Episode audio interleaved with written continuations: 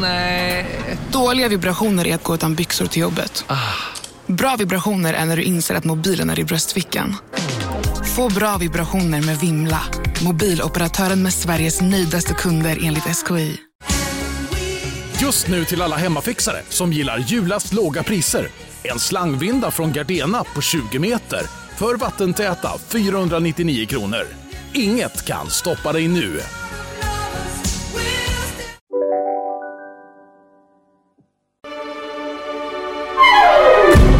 Lyssnar på en podd från Perfect Day.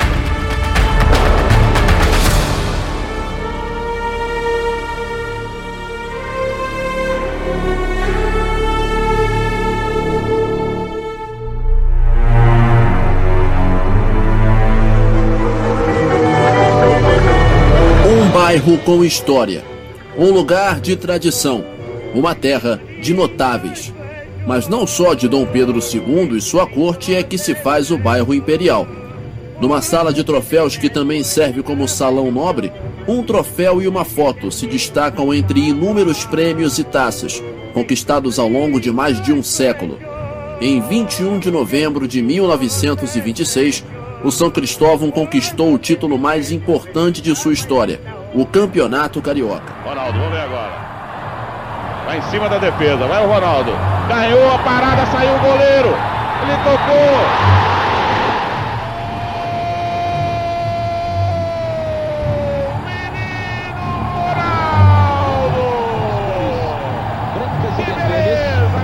equipe, com certeza o PSV conta com dois jogadores de muita habilidade no seu sistema ofensivo. O PSV leva melhor com Nilas. Lançamento para Ronaldo, atenção! Pode ser agora Ronaldo, chutou! Gol do PSV! Do homem de 5 milhões de dólares, Ro, Ro, Ronaldo!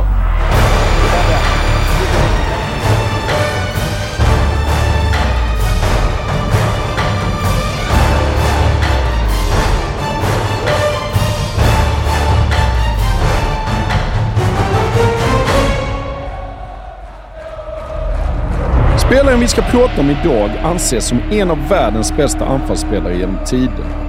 Och ändå känns det märkligt och futtigt att vi inte nämner honom mer när vi listar världens bästa spelare alla kategorier. Ni vet, listorna med Messi, Maradona, Pelé, Cruyff och så vidare. Han var otvivelaktigt världens bästa spelare som 19-åring, som 20-åring, som 21-åring och borde normalt sett ha blivit ännu bättre de kommande åren om inte knäskadorna kommit, om inte sponsorerna jagat honom, om inte festerna, maten, Rio de Janeiro och kvinnorna varit så lockande.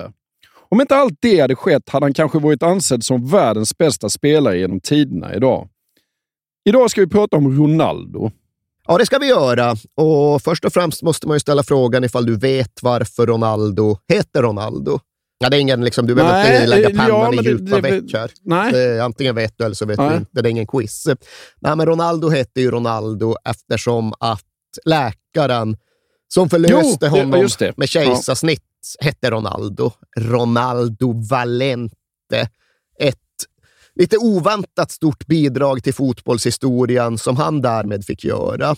Men just det faktum att det var lite provisoriskt när Ronaldo föddes, det är både lite underhållande och lite åskådliggörande. Vad ska grabben heta?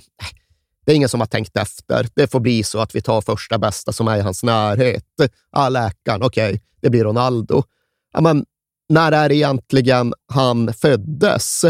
Ja, kring det, jag ska inte säga att det finns två olika versioner, för det gör det ju för sig, men det är liksom ingen diskussion om vilken som är den korrekta. För ja, men genom hela hans fotbollskarriär hette det ju att han föddes den 22 september 1976. Det var alltid den 22 september han firade sina födelsedagar. Men tidigt var både han själv och alla andra medvetna om att han inte alls föddes då. Han föddes den 18 september. Men på 1970-talets Brasilien så fanns det någon typ av obligatorium som gjorde föräldrarna skyldiga att omedelbart registrera barnafödslar hos myndigheterna. Och dessutom var det någon avgift förknippad med detta. Och Ronaldos familj, framförallt då hans farsa Nelio, han hade inga pengar till den där registreringsavgiften. Han hade rumlat bort de pengar han eventuellt hade i bakfickan och därför kände han att han behövde köpa sig lite tid för att hastla fram nya slantar. Och det lyckades han med efter fyra dygn.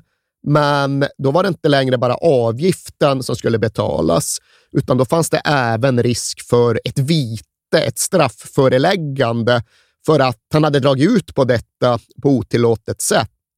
Så för att undkomma den straffavgiften så skrev farsa Ronaldo dit att ja, men han föddes nu, absolut, tidigare idag, 22 september. Ja. Japp, då föddes han. Och därför var det så det registrerades och det var så det stod i papper och attester. Och på så sätt blev alltså Ronaldo ja, men superstjärnan som föddes innan han föddes. Och visst, den här lilla episoden antyder ju att det är inte vare sig silverskedar eller stekta sparvar som kommer flygande in i hans mun från första dagen, utan det är ju en ganska påver och oordnad tillvaro som lilla Ronaldo föds in i. Och hans barndom ska komma att kretsa kring Rio-stadsdelen Bento Ribeiro.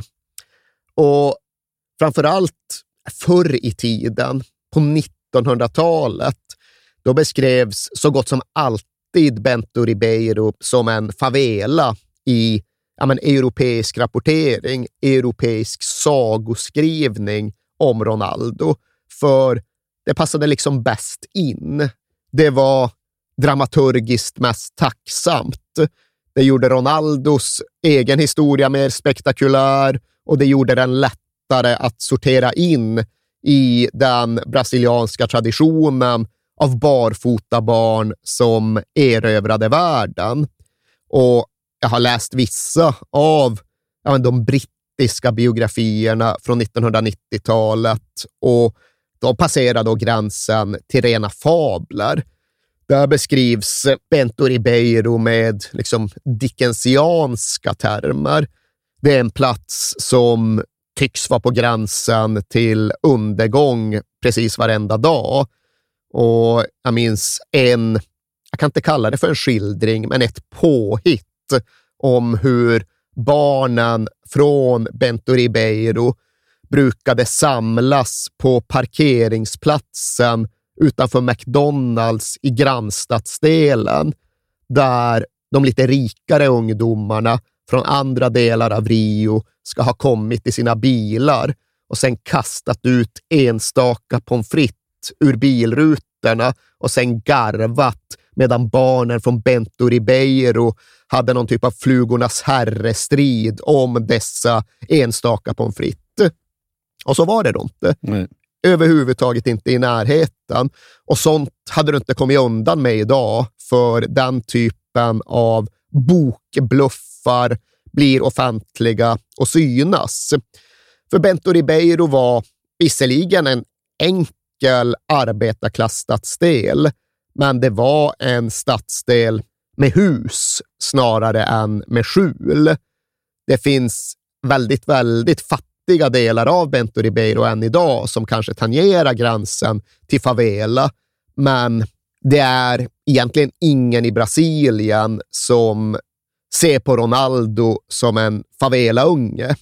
En kille från knappa, enkla förhållanden och en materiellt svår bakgrund, men inte på något sätt värre eller mer extrem än tiotals miljoner andra ungar från hans generation. Nej, men det var mat på bordet i varje fall. Det var mat men på det bordet. var inga extravaganser Nej, men exakt. Alltså, ja. Det var mat på bordet och det var två föräldrar som hade haft arbeten och det fanns ett stort socialt skyddsnät runt om dem eftersom att det var 16 släktingar som typ bodde i samma kvarter. Men i det här lilla enkla huset så fanns det elektricitet. Det fanns en tv, även om det inte fanns någon telefon eller ja, för den delen heller något riktigt avlopp.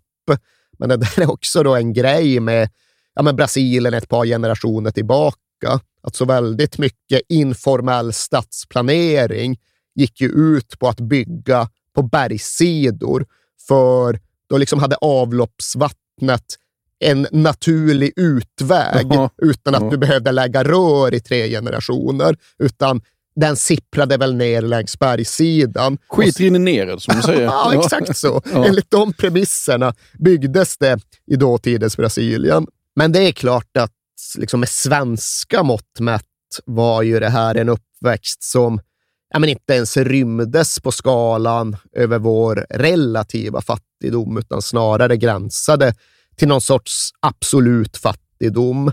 Och ja, det var en ung familj, hade skaffat barn tidigt. Farsan Nelio och mamma Sonja var väl knappt ens 20 innan de gifte sig och började bilda familj. Och när nu Ronaldo, parets tredje barn, föddes så hade mamman knappt ens hunnit bli 25. Men ja, de hade då haft jobb båda två, hade jobbat på någon lokal motsvarighet till Televerket. Men när nu familjen växte och Sonja till en början behövde vara hemma med den nyfödda, ja, då blev det allt svårare att få pengarna att räcka. Inte minst då eftersom farsgubben Nelio hade en tendens att ja, men, supa bort stålarna, ifall vi ska vara lite Ja, han var en krassa. rumlare. En rumlare. Ja. Jag tror att det är för mycket att anklaga honom för att vara en missbrukare, men han Nej. var absolut en man som drogs mot bardiskar och som därigenom ja, men hade svårt att fullfölja de plikter som föräldraansvaret faktiskt medför. Och det där tycks ha kommit och gått rätt mycket under egentligen hela Ronaldos barndom. Vissa perioder var värre än andra och det ska stundtals ha gått flera månader då Nelio knappt ens syntes till. Ibland, ofta, för att han var ute på barunder som aldrig tog slut, men ibland även för att han faktiskt ja, man gjorde ett eh, försök att göra ett handtag och faktiskt få ordning på livet. Och Det kunde medföra att han drog iväg till Amazonas och jobbade som skogsarbetare i något halvår för att på så sätt ja, men generera pengar, skaffa sig en riktig inkomst. Men svårt att få ihop allt, inte minst ekonomiskt. Och mamma Sonja tvingades snabbt inse att det skulle inte funka för henne att vara hemma med barnen, utan hon var tvungen att gå tillbaka till arbetslivet. De hade något försök med att liksom sälja drakar hemifrån. Och då pratar vi inte Game of Thrones-ägg, utan alltså flygande Ja, ja, drakar.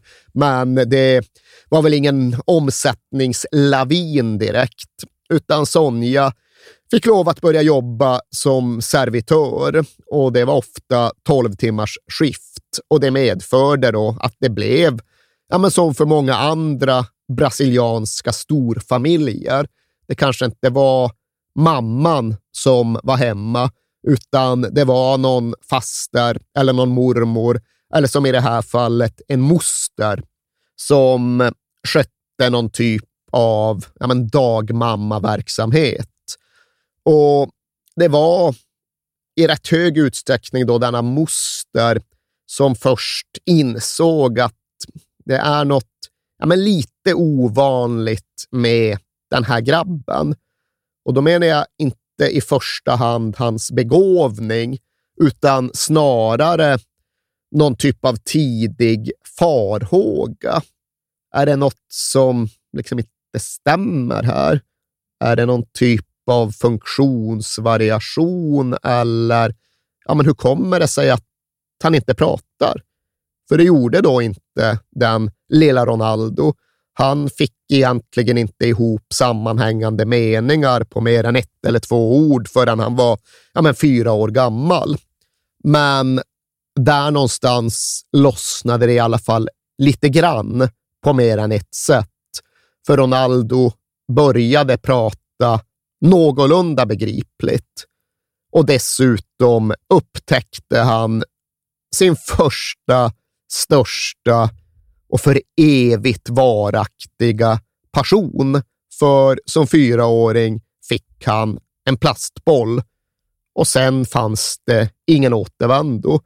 Han började jaga den där plastbollen och han jagade den ut ur huset och vidare till gatan och liksom de provisoriska grusplanerna där kring och där kunde han byta plastbollen mot en riktig boll och börja spela med de större killarna i kvarteret. Och sen fanns det liksom ingen återvändo. Sen pratade Ronaldo som ett rinnande vatten, men i och för sig mest bara i sömnen, då det var uppenbart för de som satt bredvid det sovande barnet att han var fortfarande mitt uppe i sina matcher trots att han sov. Han sparkade och han fintade och han refererade då på flytande fotbollsbrasilianska hur briljant han manövrerade sig fram genom drömmarnas fotbollsplaner. Och han hade fotboll i släkten. Han hade en morbror som hade spelat för Fluminense i alla fall lite grann. I alla fall hade han tillhört organisationen som junior. Ja. Och ja, kanske var det därifrån någon sorts genetisk begåvning ärvdes. Men från början var det ändå inte begåvningen som var grejen, utan det var ju entusiasmen. Ja, han verkade väl ha en fallenhet för att springa efter bollen, men det var glädjen, liksom rena lyckan i att göra det som verkligen lyste upp en barndom som annars hade riskerat att bli ganska motig. För så länge Ronaldo kunde se VM 82 på familjens svartvita tv eller ja, på någon av kvarterets färgburkar, ja, då var han världens lyckligaste grabb. Ja.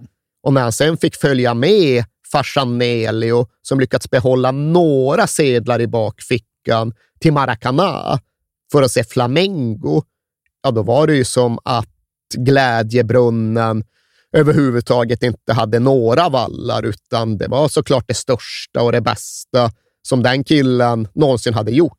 Han Kanske som i... han någonsin gjorde. Ja, hans stora idol var väl Sicko? Va? Ja, det blev ju så. Ja. Alltså, det här är ju då tidigt 1980-tal. Ja. Sicko är bäst i Flamengo, bäst i Brasilien, bäst i Sydamerika före Maradona, ja, kanske bäst i världen. Det var i alla fall så Ronaldo uppfattade ja. För honom var det helt självklart att det där var världens bästa fotbollsspelare. Och jag menar, att dels då ha upptäckt någonting som skänkte så här mycket lycka och dels även känna att här finns ett fält då jag i alla fall kan hävda mig väl. Det var nog helt avgörande för den här lilla grabben som hade haft så svårt att prata för ja, men, de mer akademiska uppförsbackarna förblev både långa och branta.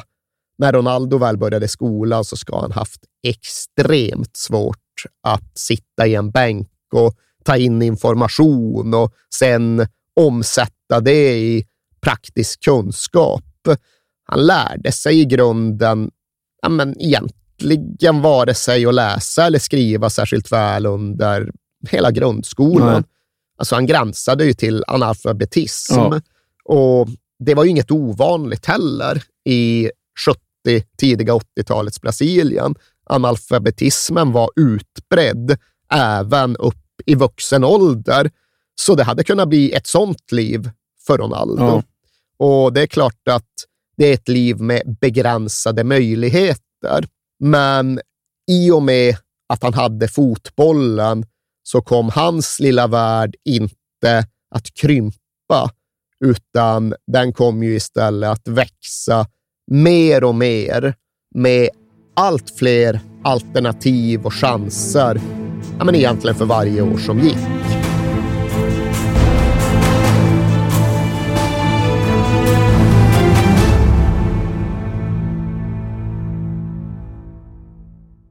Jag vill inleda med att säga att det är garanterad jackpot på 13 miljoner på Stryktipset. Och fy fasen. Ja, visst. Skulle du behöva 13 miljoner eller? Ja, det skulle jag verkligen. Men vi måste säga först att vi är ju sponsrade av Stryktipset. Ett spel från Svenska Spel, Sport och Casino för dig över 18 år. Yes, och stödlinjen.se finns där för dig om du har problem med ditt spelande. Nej, men 13 miljoner jackpot på Stryktipset, det är ju inte fel. Nej, då är det faktiskt dags att ladda en rejäl rad här känns det Mhm. som. Vet du vad som inte heller är fel? Nej. Födelsedagsfirandet och alla härliga Mm. historier vi får in. Exakt, Mm. för vi är ju mitt inne i Stryktipsets 90-årsfirande som vi firar med att läsa upp fantastiska historier från våra lyssnare Yes. som skickar in dem till kings at perfectdaymedia.se. Precis, bomba på nu. Det är åtta månader kvar på det här firandet, så att, eh, vi kör nu. Mycket Stryktipshistorier vi vill ha Mm. och i dagens har vi fått från Peter som skriver så här. Hej på er och tack för en helt otrolig podcast. Den har räddat mina veckor i snart fyra år. Tack så mycket Peter. Min historia är ganska färsk, men den om när det vänder på stopptid gav kanske inte de största pengarna, men känslan i mig består. Jag spelar ofta för lite mindre pengar på Stryket, följer fotbollen men är långt ifrån en nörd. Och allt såg väldigt bra ut senast, förutom på min etta på Manchester United mot Brentford. Var ändå väldigt, eh, var ändå väldigt nöjd med hur resten satt. Men på stopptid satte min nya favoritspelare, skotten McTominay, två mål och vändningen fullbordades. 64 rader blev 12 000 kronor. Tack för en bra Det är podd. otroligt. Ja. Tack för en bra historia Peter. Ja, och som man älskar Scott McTominay. Gör man inte det? Ja, det- gör man faktiskt. Han liksom kommer in i straffområdet jävligt bra faktiskt. Mm. Vi säger stort tack till våra vänner på Stryktipset. Tack.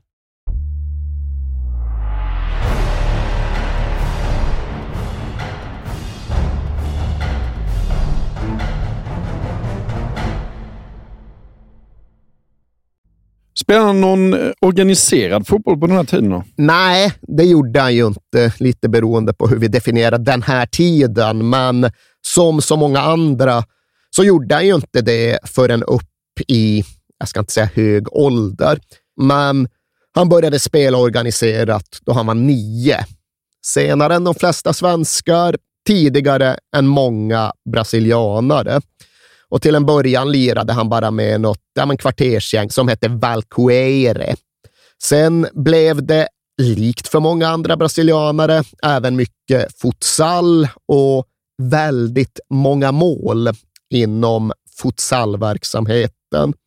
Och ja, men i den mån det blev något eko runt den unga Ronaldo, då var det främst på grund av alla mål han gjorde i futsal. Och i vissa historieskrivningar heter det att det var tack vare alla dessa som han efter några år även fick chansen att provspela med Flamengo, Brasiliens största klubb, hans eget favoritlag. Men så som jag uppfattade när jag faktiskt kollade närmare på det, så var det mer en sån här liksom öppen testa på och visa upp det idag som i stort sett var tillgänglig för alla som tyckte sig ha vad som krävdes.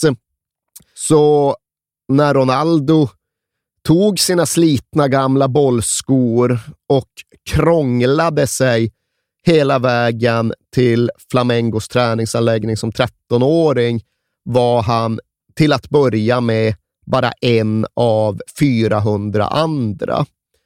Och att sen spela sig förbi den första gallringen, ja, det var väl en sak. Det trodde nog både Ronaldo själv och hans föräldrar att han skulle lyckas med.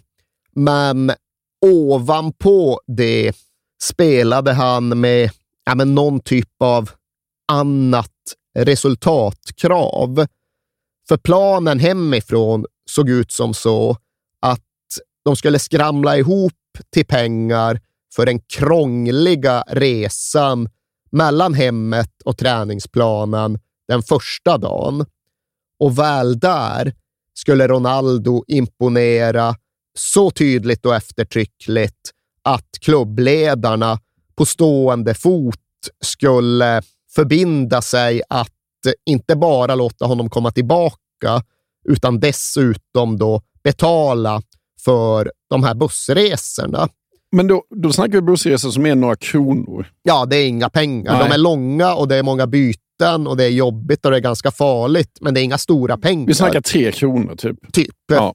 Och Det här är ju en sån här grej som ja, men ofta sorteras in i liksom blundrarna, att de stora misstagen i vår populärkulturella historia. Ja, det är det här och Messi och River Plate. Ja, exakt. Eller för den delen då liksom eh, bokförläggaren som brände J.K. Rowling och Ja, Harry det. Potter. Musikkillen som inte signade The Beatles. Men så som det är, är det ju inte så svårförståeligt. Där står en 13-årig kille bland 400 andra och har visserligen spelat bra, så det är klart att Flamengo ville se mer.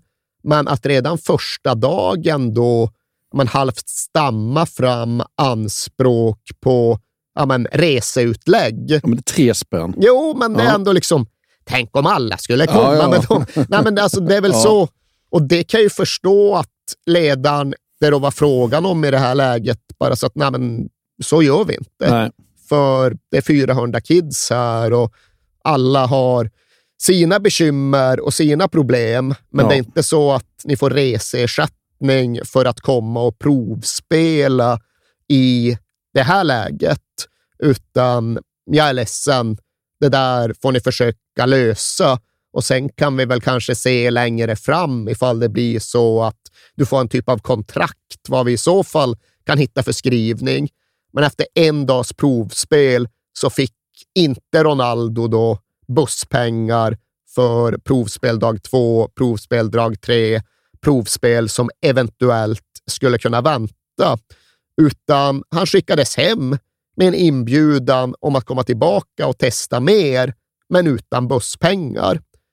Och det kanske inte är så obegripligt. Det är det faktiskt inte i mina ögon. Men för den unge Ronaldo så framstår det ju som ja, men världens ände. Ja. Här hade han ändå haft chansen att spela med Flamengo och så faller det på detta. Och ja, men om det faller här, då kommer det ju aldrig gå. Det är inte så att han har någon stor klubb hemma runt hörnet. Det skulle vara samma visa om han försökte med Fluminense eller Botafogo.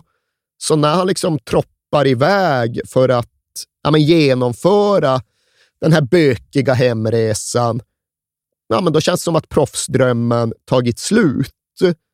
Och som om det inte vore nog blir han ju typiskt nog även överfallen och rånad på det lilla han hade när han var på väg hem.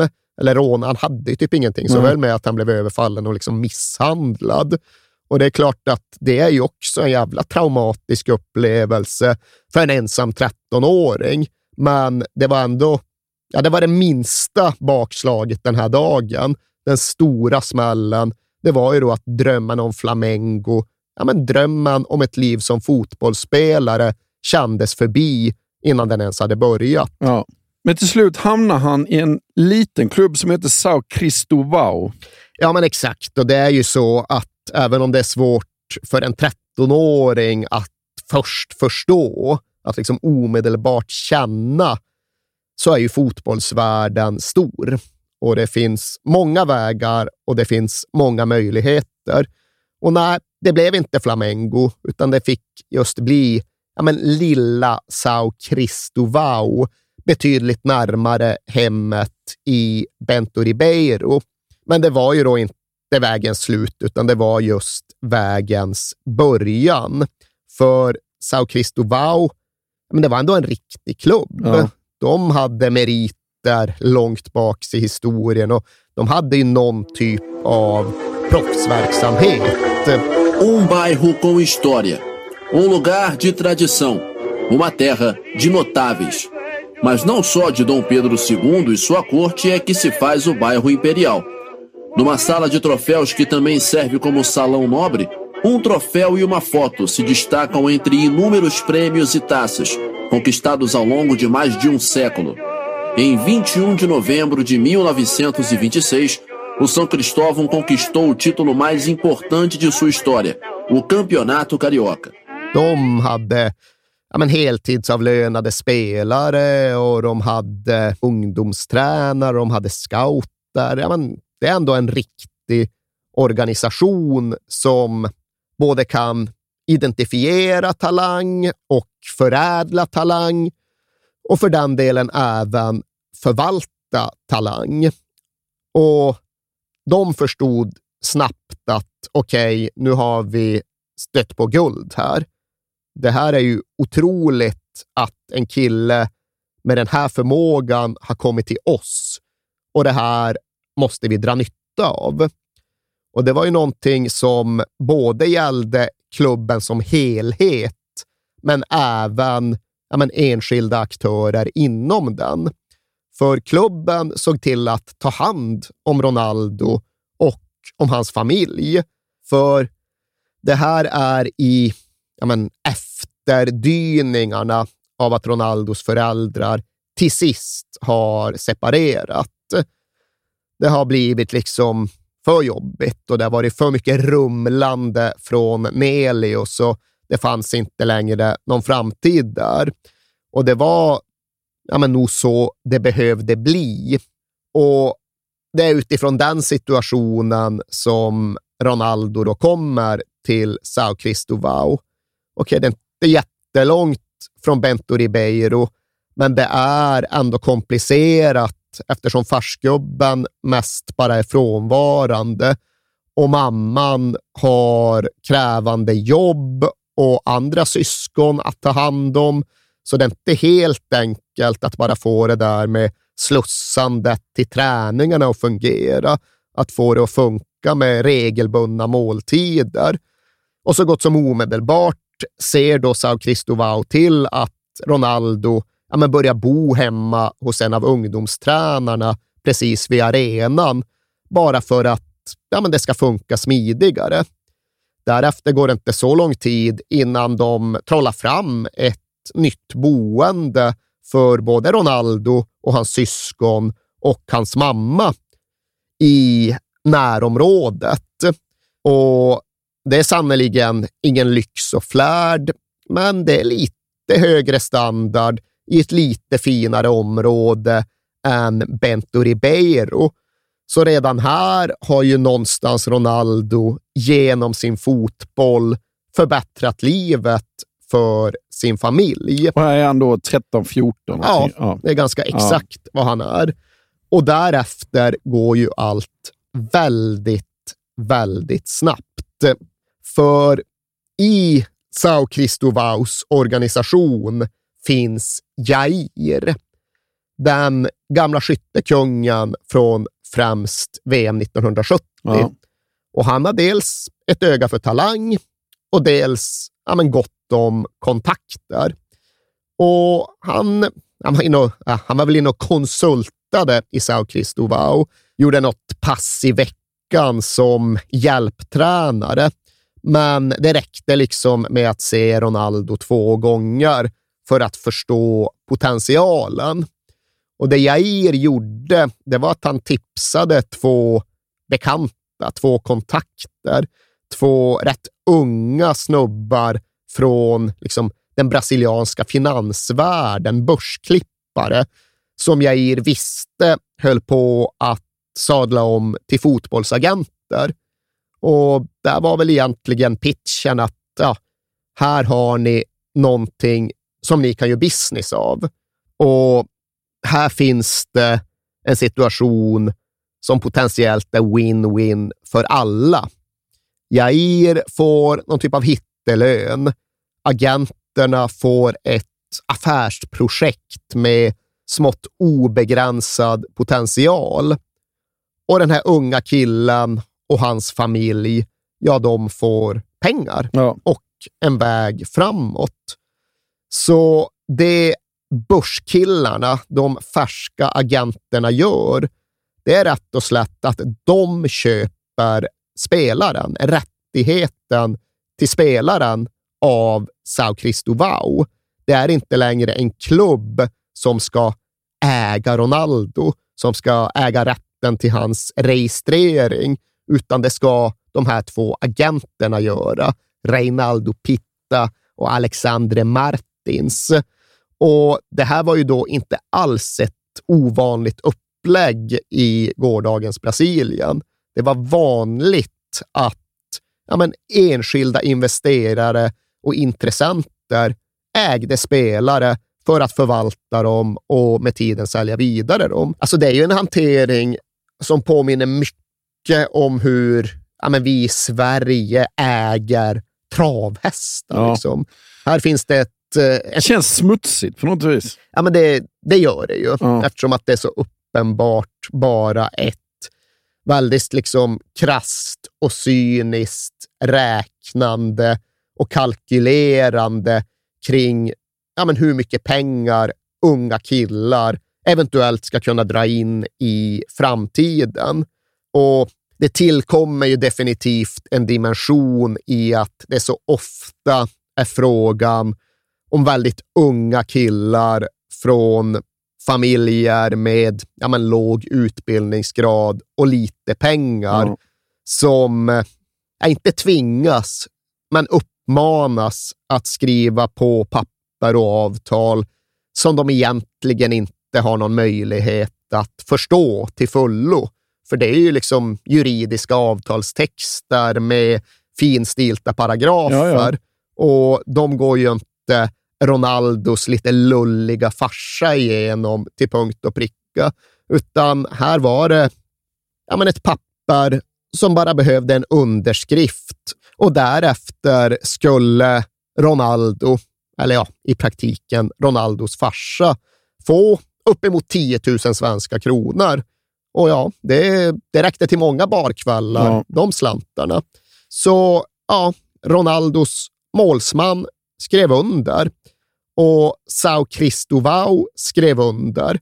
Och därefter var en 14-årig Ronaldo såld till dessa agenter för lite drygt 60 000 svenska kronor. Och agenterna, ja, de ska, det är väl tänkt att de ska fungera som en typ av karriärrådgivare. Det är väl mycket deras insäljning gentemot spelarna och deras föräldrar att nu kommer vi slussa dig framåt genom karriären. Vi kommer se till att den här klubben leder till den klubben och sen blir det det här kontraktet följt av det här kontraktet. Och allt detta kommer naturligtvis innebära både rikedom och berömmelse. Och i detta låg ju då att ja, men de ville ta Ronaldo ur skolan. Liksom, vad ska du där att göra? Nej. Du ska ju bli världsstjärna i fotboll. Och ja, Ronaldo gillade inte skolan. Nej.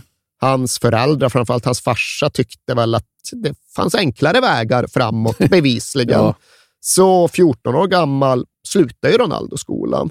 Och han är läs och skrivkunnig, men det är jävlar inte mycket nej, mer. Nej. Och visst, nu är det med några kronor på fickan och löfte om väldigt mycket mer. Men det är ju samtidigt också ja, men utifrån ett slavkontrakt. Det måste fan beskrivas ja. på det sättet. För det ska då vara giltigt i tio år. Och till en början skulle ju agenterna få 10 procent av alla kommande intäkter, annonssummor och lön. Ja, och dessutom var det ju då de som skulle få hela transferintäkterna eftersom att det var deras spelare. Ja. Men dessutom var det inskrivet att alla utgifter som kunde tillkomma ja, de skulle bekostas av Ronaldo. De mm. skulle dras på hans lön. Så liksom allt från nya skor till flygresor eller vad fan det än må ha varit, ja, det skulle spelaren själv bekosta. Och han hade inte heller någon egen möjlighet att ingå sponsoravtal eller samarbeten utan agenternas godkännande och samtycke. Och att bryta kontraktet, det skulle kosta tiotal, jag tror till och med det var hundratals miljoner kronor i straffavgift. Så kontentan, ja, den var ju att Ronaldo skulle vara livegen för ja, men egentligen all överskådlig framtid. Och han var 14 år gammal och han hade precis slutat skolan. Och familjen, framför allt då farsan, hade egentligen lagt hela sin framtid i Ronaldos fötter.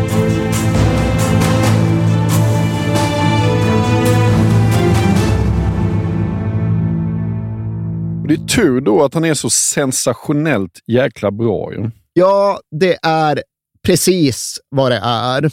Och Jag skulle kunna säga att det är tur att han får tillfällen att visa upp sig, men det är ju inte tur. Det är en följd av att han just är så exceptionell och för den delen även att hans utveckling är så spikrak under just de här åren.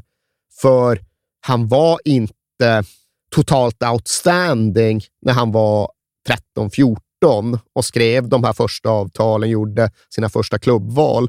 Då var han jättebra och jätteteknisk och jättemålfarlig, men han var inte ännu det här fysiska fenomenet som han nu snabbt närmade sig. För han växte ju mycket under de här åren. Han blev inte bara längre och tyngre, utan han blev ju framför allt starkare och snabbare. Och väl fyllda 16 fick han då sin första riktigt stora möjlighet att verkligen visa upp sig. För då blev han uttagen i den brasilianska U17-truppen som skulle spela de sydamerikanska mästerskapen i Colombia. Och bara att bli uttagen var en rätt anmärkningsvärd grej, för det här var ju då alltså en kille som tillhörde Sao Cristovao. Ja. I liksom, ja, de höll till på liksom andra nivån i Rio de Janeiros delstatsmästerskap. Ja. Alltså det var inte en division 2-klubb i Brasilien, det var en division 2-klubb i Rio. Men trots då att Ronaldo representerade en så obetydlig klubb så fick han chansen tillsammans med killarna från Corinthians och Palmeiras och Vasco da Gama. Och var tydligen ett ganska svagt brasilianskt lag, för det gick inget bra för dem, men det gick bra för Ronaldo. Han vann skytteligan i U17-mästerskapen med åtta gjorda mål. Och gör du det samtidigt som du tillhör den här lille putten, ja, då kommer du få ganska många erbjudanden rätt snabbt. Ja. Och så blir det ju. Men även här får Ronaldo i hög utsträckning ett beslut fattat åt sig snarare än han väljer själv med en stark egen övertygelse. För det är klart att det finns klubbar i Rio som är intresserade. Det är klart att Flamengo nu sniffar runt. Och han är väl jätte-Rio-kär? Jo, nej, men alltså, Ja. han har ju aldrig varit utanför Nej. Rio förutom för att spela lite fotboll, utan det är den enda värld han känner till. Men det finns även en klubb som heter Cruzeiro nere i Belo Horizonte och där har ju då Jair spelat. Och Jair är fortfarande en del av det här liksom agenttriumviratet som numera äger och styr Ronaldo. Så de bestämmer väl i stort sett att det är till Cruzeiro du ska. Och det är då alltså 45 mil hemifrån. Och ja, men på många sätt hade ju Ronaldo lika gärna uppmanats att liksom flytta till månen eller flyga till Kina. Så det är, han kan sin del av Rio. Ja. Allt annat är fullständigt obekant för honom. Så ja, det, det, är liksom, det är fullständigt självklart att morsan givetvis måste flytta med, för annars kommer det här aldrig funka. Nej, nej. Så hon flyttar med och ser till att lösa allt ja, men så att Ronaldo enbart kan koncentrera sig på att spela fotboll. Och så länge det är allt han behöver göra, så länge det inte finns en massa liksom yttre bekymmer, ja, då kan han väl flytta till Cruzeiro precis lika gärna som han hade kunnat flytta till Costa Rica eller Cartagena. Det spelar liksom ingen roll, utan fram med en boll, låt honom jaga den och se vad som händer. Och han var ju svår att bedöma fram till och med detta. För okej, tydlig målgörartalang och bevisligen bra nog för att kunna hävda sig på landslagsnivå bland andra U17-spelare. Men hur skulle det gå i ett professionellt seniorlag? Liksom. Nu, är, nu är det första ligan. Nu är det första ligan. Han Stor är klubb. 16 igen. Han är 16 Ja. och har ju då ja, men rätt mycket dimpt ner från ingenstans. Det är inte så att det är åtta Cruzeiro-ledare som har scoutat honom och följt honom i 18 månader, utan det är ju rätt mycket. Ja, ni hörde om den där killen som gjorde massa mål för U17-landslaget. Ja, ja Shair ser till att han kommer hit. Jaha, okej. Får se hur bra han är då.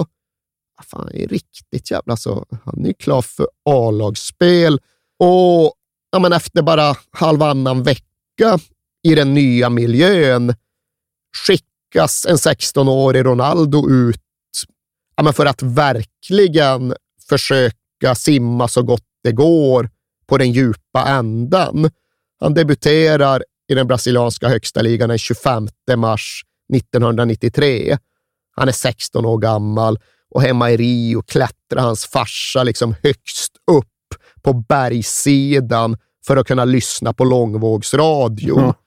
Och det visar ju sig att ja, det är inte bara så att killen håller sig flytande. Det är inte bara så att han kan simma, utan han har ju ja, men en crawl, en benspark som gör att han drar iväg i en hastighet ja, men som bokstavligt talat bara får betraktarna att gapa. Han kommer rätt mycket från ingenstans och han exploderar direkt. Han är ju fullständigt sensationell. Ja. Han spelar 60 matcher under ett drygt år för Cruzeiro. Han gör alltså 58 mål. Ja. Och det här är brasilianska högsta Ja, ja, alltså ja, det, ja. det, blir, det är så stort det blir i Sydamerika egentligen. Vissa, man har ju, de heter Bahia, ja, men stor klassisk klubb. Han gör fem mål. Ja. Och det är svårt att få ihop hur ung och oerfaren han är å ena sidan och hur fullständigt färdig och komplett han är å andra sidan. För utanför planen förblir han ja, men helt bortkommen. Ja, jätteblyg också. Får visserligen för sig att faktiskt flytta till egen lägenhet efter något halvår, då genombrottet har gjort honom till en stjärna. Men det går ju sådär för honom att installera sig där. Morsan är inte på plats, han ska försöka laga mat. Är det inte så att han inte vet hur man lagar mat, utan han vet ju inte vad det behövs för redskap för att laga mat. Kastrull, vad, fan, vad är det liksom? Ja. Jaha, sen liksom, ja, bestick ska man ha. Men varför ligger de inte bara här? Mm. Men de finns, du måste liksom skaffa dig bestick.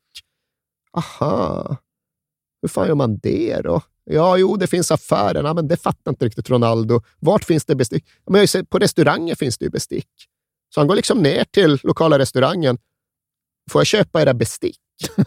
Nej, det, vi säljer inte bestick. Men eftersom att du är Ronaldo så får du en servis. Ja. Det är lugnt. Men det, för han blir en typ av fotbollssavant som ja, inte skulle överleva tre dagar på egen hand ute i människobyn, men som är helt överlägsen på gräsmattan. Och det går ju alltså inte ens ett år från det att han är 16 och tar sina första steg i den brasilianska seniorfotbollen till det att han blir uttagen i A-landslaget. Alltså det svåraste landslaget i världen att ta plats i. Och det är liksom inte så att nu ska vi möta något Venezuela hemma eller något. Nej, det är ju Argentina liksom. Ut och kör. Hårda bud. Ja, verkligen. Men vad man än kastade mot honom så susade han bara förbi det. Okej, nu är det debut i A-landslaget. Sen är det tillbaka till Cruzeiro och spela Libertadores. För han har ju varit så jävla bra att de har kvalificerat sig för Libertadores Ja. också. Där får de möta Boca Juniors över två matcher. Ja, det är inte helt enkelt i en sydamerikansk kontext. Åka ner till Bombonera. Och ja, där fick han det väl ganska tufft. Men sen är det returen mot Boca. Och han gör ju ett solomål som redan då fick alla då att Ja, jämföra med. Maradona 86. Ja, men Ja. Ta bara bollen, springer. Och det är de mest svårforcerade försvararna du hittar hittar fan i världen, liksom argentinska försvarare i början av 90-talet. Det är ju fortfarande deras landslagsspelare som är hemma och han bara blåser iväg ja. från dem. Ronaldo, vamos ver agora. Vai em cima da defesa, vai o Ronaldo. Ganhou a parada, saiu o goleiro. Ele tocou.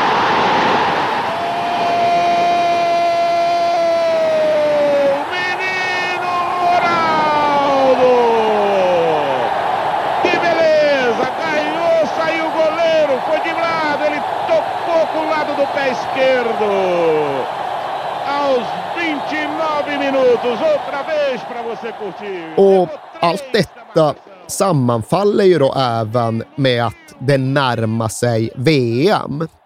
Och det finns liksom inga alternativ.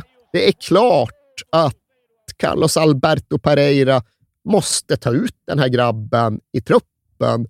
För okej, okay, han är bara 17, han har nyss fyllt 17. Men Pelé var bara 17 1958 ja. också. Det är honom han jämförs med, måste ja, ju vara. Så blir det ju i det här ja. läget. De spelar inte på samma sätt, men de får liksom samma typ av genombrott. Virvlar in och förbi alla 16-17 år gamla med ett VM runt knuten.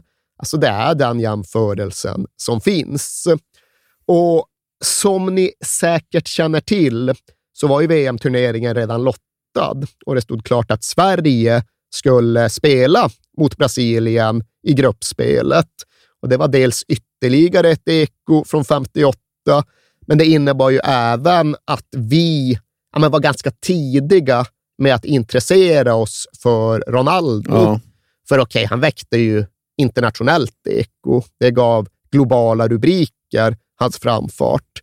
Men det är samtidigt även lite sådär att ja, sydamerikanska underbarn, det kommer väl ett i kvarten. Ja. Jo, men det här är en annan nivå, men alla mäktade inte riktigt med att urskilja det, utan för vissa var han bara en av alla dessa nya bolltrollar, begåvningar från Brasilien.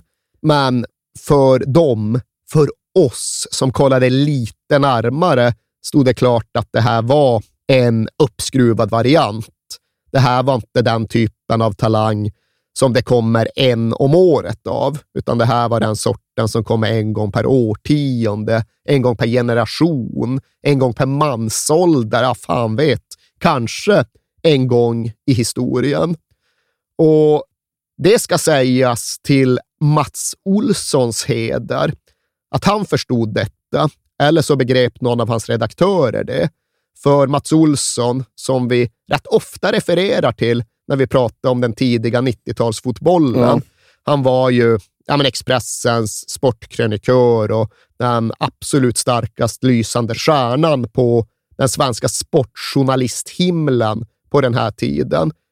Ja, men han drog iväg till Belo Horizonte för att träffa Ronaldo våren 1994. Gjorde han? Jajamensan. Snyggt jobbat Mats. Verkligen. Ja. Dit åker han, där landar han och Joro, han får träffa Ronaldo. det är väl lite oklart vad han hade väntat sig. Det visste nog inte Mats Olsson själv, men utan ja, men den här bakgrundskunskapen som vi nu har försökt redogöra för, då blev ändå Olsson lite överraskad av att ja, killen verkade så pass bortkommen som han tydligen gjorde. För till att börja med noterar ju då Mats Olsson att ja, han kommer med bil, men även om Ronaldo själv då klarar av att svänga in på parkeringen så är han tydligen inte kapabel att faktiskt parkera, ja, det. utan det får någon ja. lagkamrat göra. Han liksom bara ställer bilen och så ger han nycklarna till någon annan som får liksom backa in bilen. Och Olsson skriver också att han ja, men redan på förhand i kontakter med folk runt Ronaldo förvarnats om att han citat inte var så intelligent.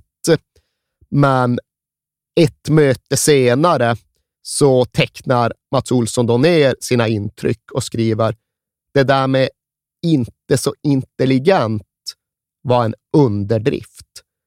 Pojken är rent sagt korkad om en fråga består av mer än tre ord börjar blicken flacka och han säger Ö? Det blir mycket korta frågor och mycket korta svar. Ja. Och det är också såklart slående att ja, här har Mats Olsson rest över halva jävla världen och han har fått träffa den här juvelen som ska bli den nya Pelé. Och sen skriver han kanske fem rader om det mötet. Ja. Sex rader om själva intervjun. Och det blir bara en liten passus i ett mycket större reportage om ja, men, den brasilianska talangutvecklingen, den brasilianska guldgruvan. Utan ja, han har tydligen liksom försökt fråga vad Ronaldo tror om att möta Sverige. Ja, Ronaldo fattar det som att han menar Schweiz, känner Ja, förmodligen ja. inte till något annat. Ja, försöker med Thomas Brolin. Ja, Ronaldo känner till honom, man tror att han är italienare. Ja. Det är egentligen det, det, är liksom, Ja. det, är det han får ut av den här intervjun. Ja, men det är, för det första, så att han bara får träffa honom är Ja. fantastiskt tycker jag. Och Och, sen, sen är det, det låter ju inte lättjobbat för Mats. Liksom. Det är nog jävligt Vad fan ska han göra? Liksom? Nej, alltså med dagens mått mätt Ja. kan man väl önska att ja, gör lite bakgrundsresearch, Jo. ta reda på vem man är, vart han kommer ifrån, liksom bygg både historien och intervjun utifrån det. Jo. Men det var inte så jävla lätt i början av 90-talet. Nej. Det var inte bara att plöja internet, utan han åker väl dit och tänker ja, men jag snackar med honom och ser vart det leder. Ja. Det ledde ingenstans. Nej. Och sen Nej. ser Olsson Ronaldo träna och blir imponerad av det och kollar sen även på när han ska åka därifrån och observerar med sin panna att ja, efter träningen sätter han sig i bilen. Det går bra, rakt fram. Slutcitat. Ja. ja, sen blir det ju VM i USA. Det blir VM i USA och det blir inte VM i USA. För absolut, Ronaldo får ju gå upp och lyfta VM-bucklan. Formellt sett är han ju världsmästare, men själv har han ju aldrig räknat in det här som ett VM-guld för honom. För han deltar ju faktiskt inte. Nej. Han gör noll minuter på planen och ägnar istället VM-månaden åt att ja, men mest käka cheeseburgare, kolla på tjejer och ha möten med Nike. Ja, och sen så får man lite sådär Romario som mentor också. Ja, men han hänvisar till sommaren som förändrade mitt liv och min karriär. Och det här är ju långt senare när liksom Ronaldo har blivit en mer reflekterande vuxen man. Men då kan han se tillbaka på ja, men, en första klassutbildning från främsta bänkraden. Det här var liksom hans prao-månad för att lära sig hur man egentligen ska bli världsmästare. Ja. Och det satte han med rätta väldigt högt värde på. Men sen fanns också det där högst konkreta som du refererar till, att han fick Romario som förebild och vägvisare och någon typ av mentorsfigur. Och Jag vet inte om det är bra eller dåligt. Nej, det kan man diskutera Ja. och det får man väl anledning att återkomma Ja. till. Men om inte annat så var det väl första gången som Ronaldo fick en förebild som faktiskt inte själv försökte tjäna en massa fördelar och Ja, pengar. det. som inte var rådgivare utifrån egna intressen. För liksom hans egen farsa hade ju i hög utsträckning försökt casha in på Ronaldo.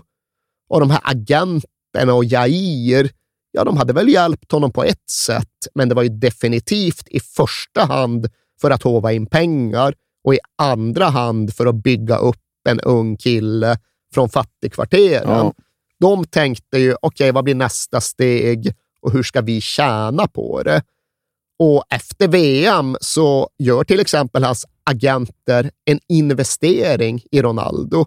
De lägger 50 000 svenska på att fixa hans tänder. Ja. Hans tänder hade ju varit ganska ja, men, utstickande och oregelbundna. Ja. Även det är ju väldigt vanligt bland den här generationens brasseungar från ja, de lägre samhällsklasserna. Men det var inte så att agenterna la upp 50 000, som i praktiken då ändå kom från Ronaldos egen ficka, för att han skulle må bättre, få enklare med andningen, som tydligen var ett problem beroende på tänderna. Ja. utan det var ju för att han skulle bli mer marknadsföringsmässig. Ja.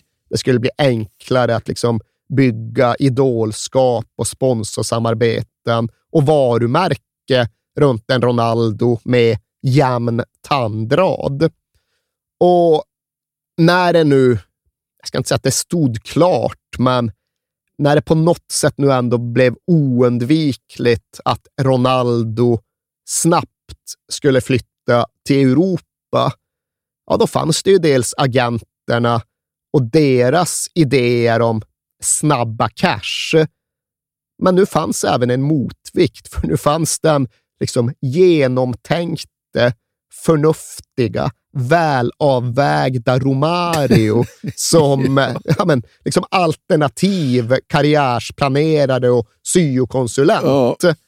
Och Romario hade verkligen pratat med Ronaldo om hur framtiden skulle bli och vad han såg för fallgropar och faror.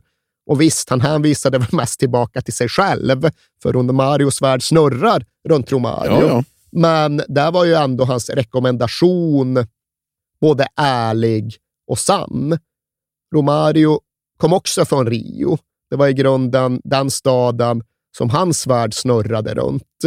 Men han hade ju då utsatt sig för en kraschkurs i europeiskt fotbollsliv när han tog det lite oväntade steget till Eindhoven i Holland snarare än att flytta till Benfica eller någon av de spanska eller italienska storklubbarna.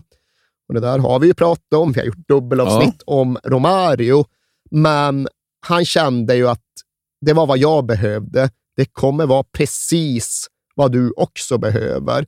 Så gå till PSV. Jag fattar också att du har 20 klubbar där 19 förmodligen är mer välkända.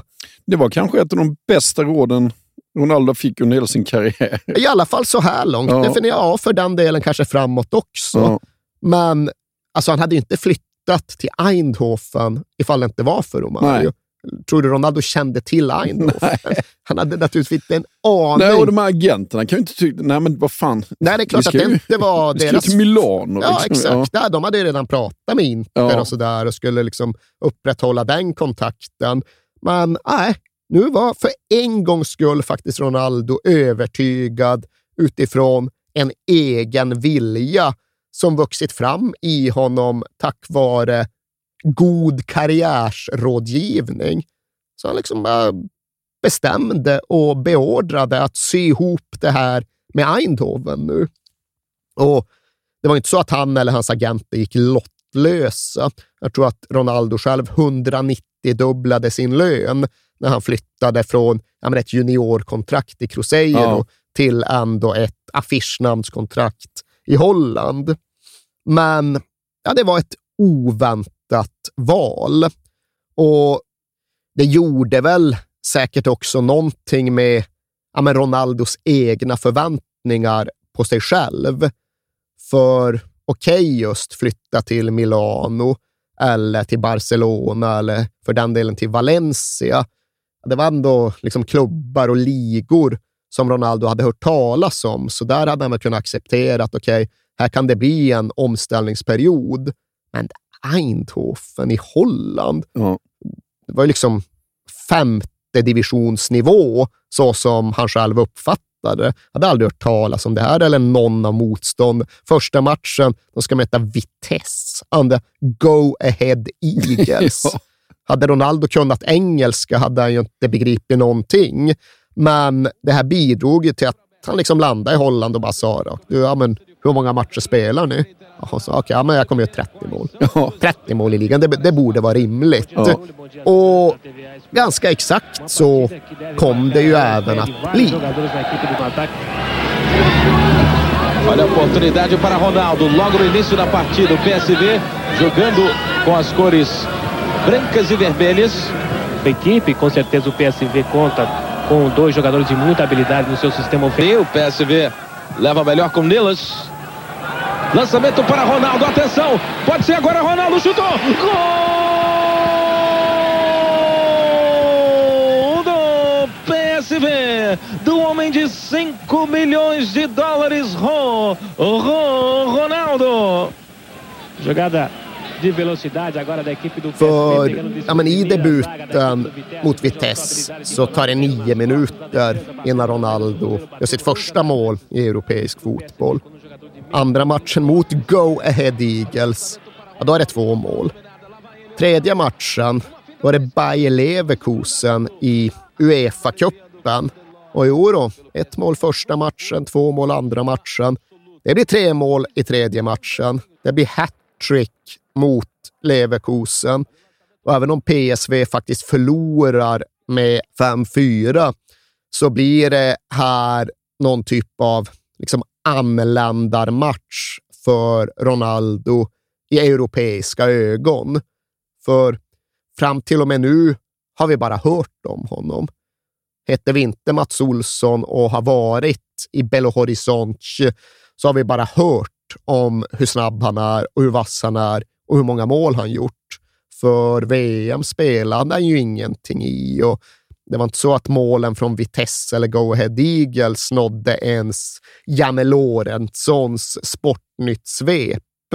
Men Uefa-cupen, ja, det var ändå highlights som kablades ut och därmed fick både svenskar och slovaker och spanjorer för första gången med egna tv-ögon se det här brasilianska fenomenet som tycktes leva upp till precis hela sin hype.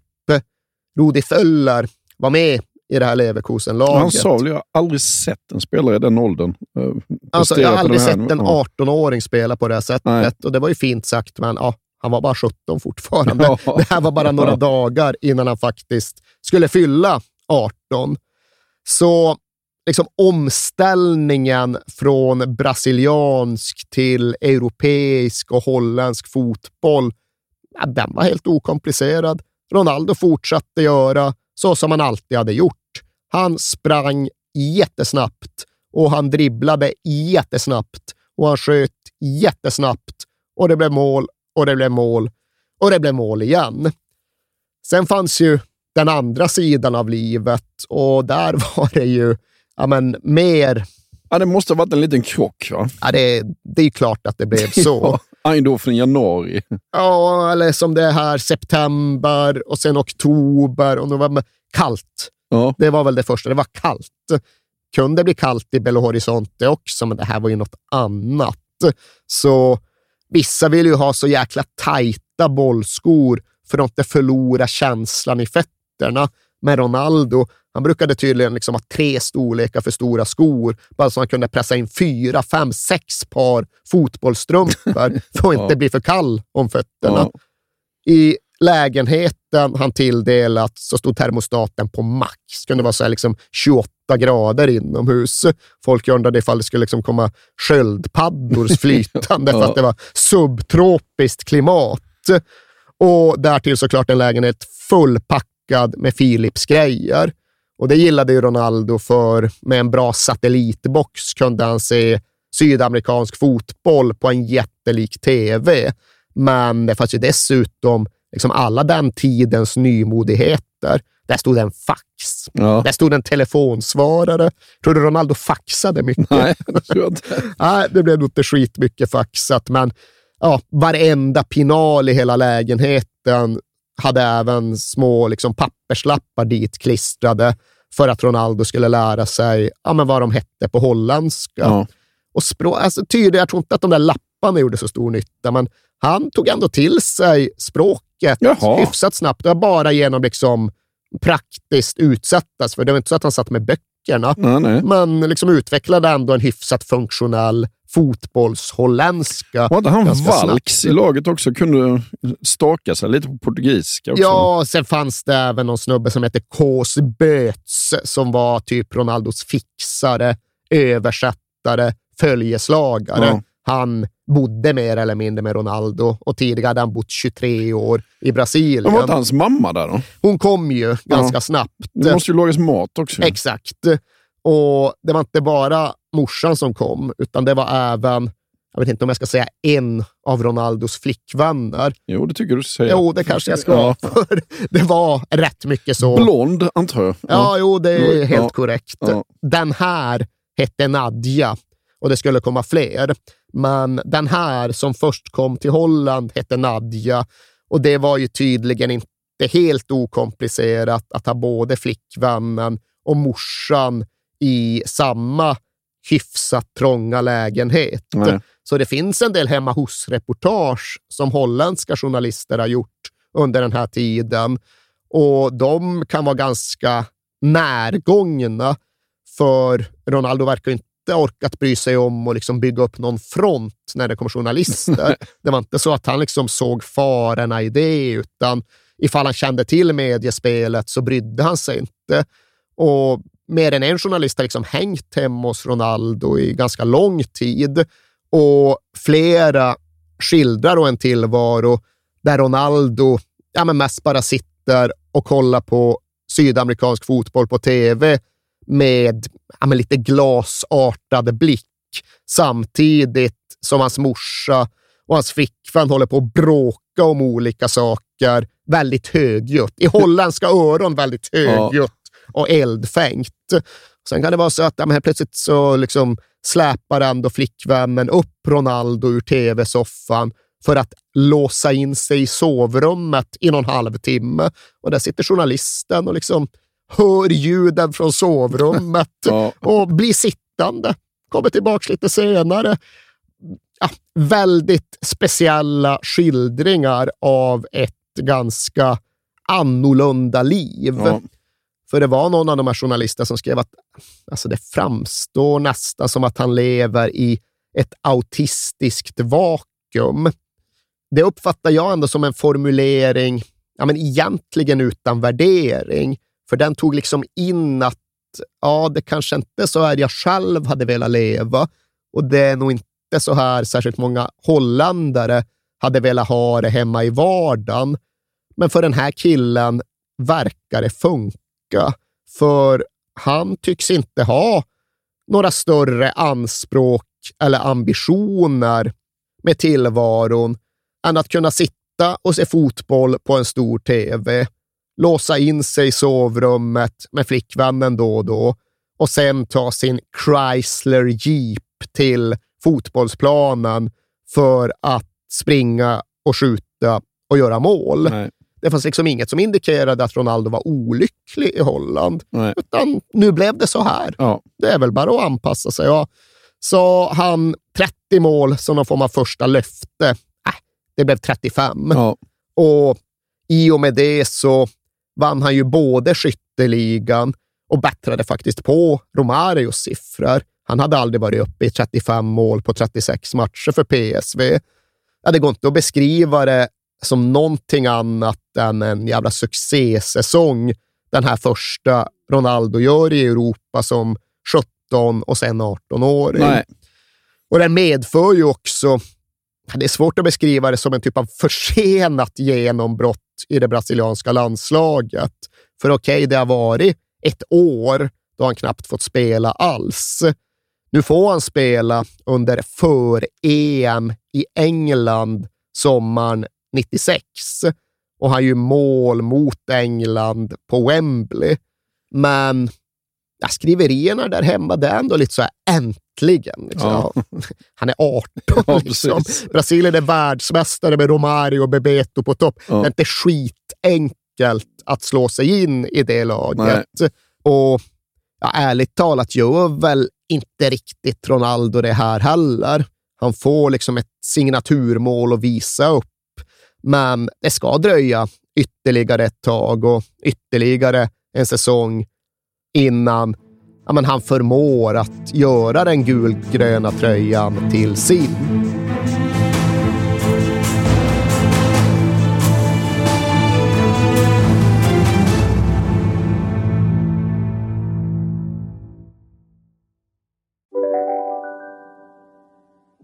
Välkommen till Momang, ett nytt smidigare casino från Svenska Spel, Sport och Casino där du enkelt kan spela hur lite du vill. Idag har vi Gonzo från spelet Gonzos Quest här som ska berätta hur smidigt det är. Sí, es muy excelente y muy rápido. Tack Gonzo. Momang, för dig över 18 år. Stödlinjen.se. Om en sous vide är på väg till dig för att du hörde en kollega prata om det och du råkade ljuga om att du också hade en och att den var så himla bra att maten blev så otroligt god och innan du visste ordet av hade du bjudit hem kollegan på middag nästa helg för att du sålt in din lågtempererade stek så bra att du var tvungen att beställa en på nätet fort som attan. Och ja!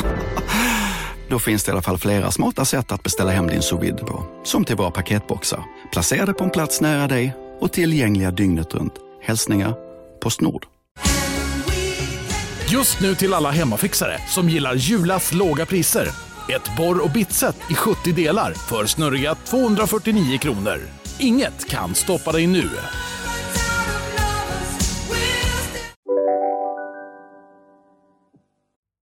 Men nästa säsong i PSV så börjar han få lite problem med sitt knä, va? Exakt det är det ju som händer.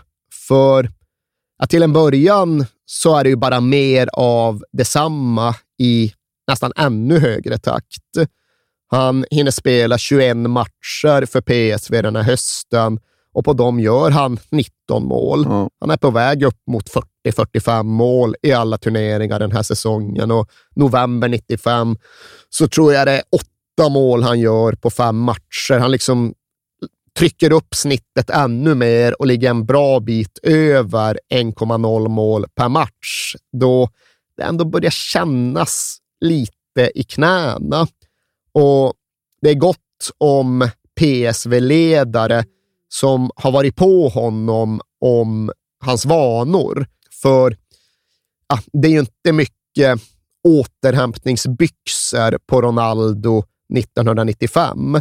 Han kommer ju ja, men, till att börja med från gatan och därefter från den brasilianska vedhuggarfotbollen och sen rätt upp i världseliten. Han har ju liksom inte fått någon utbildning i hur man tar hand om sig själv. Nej.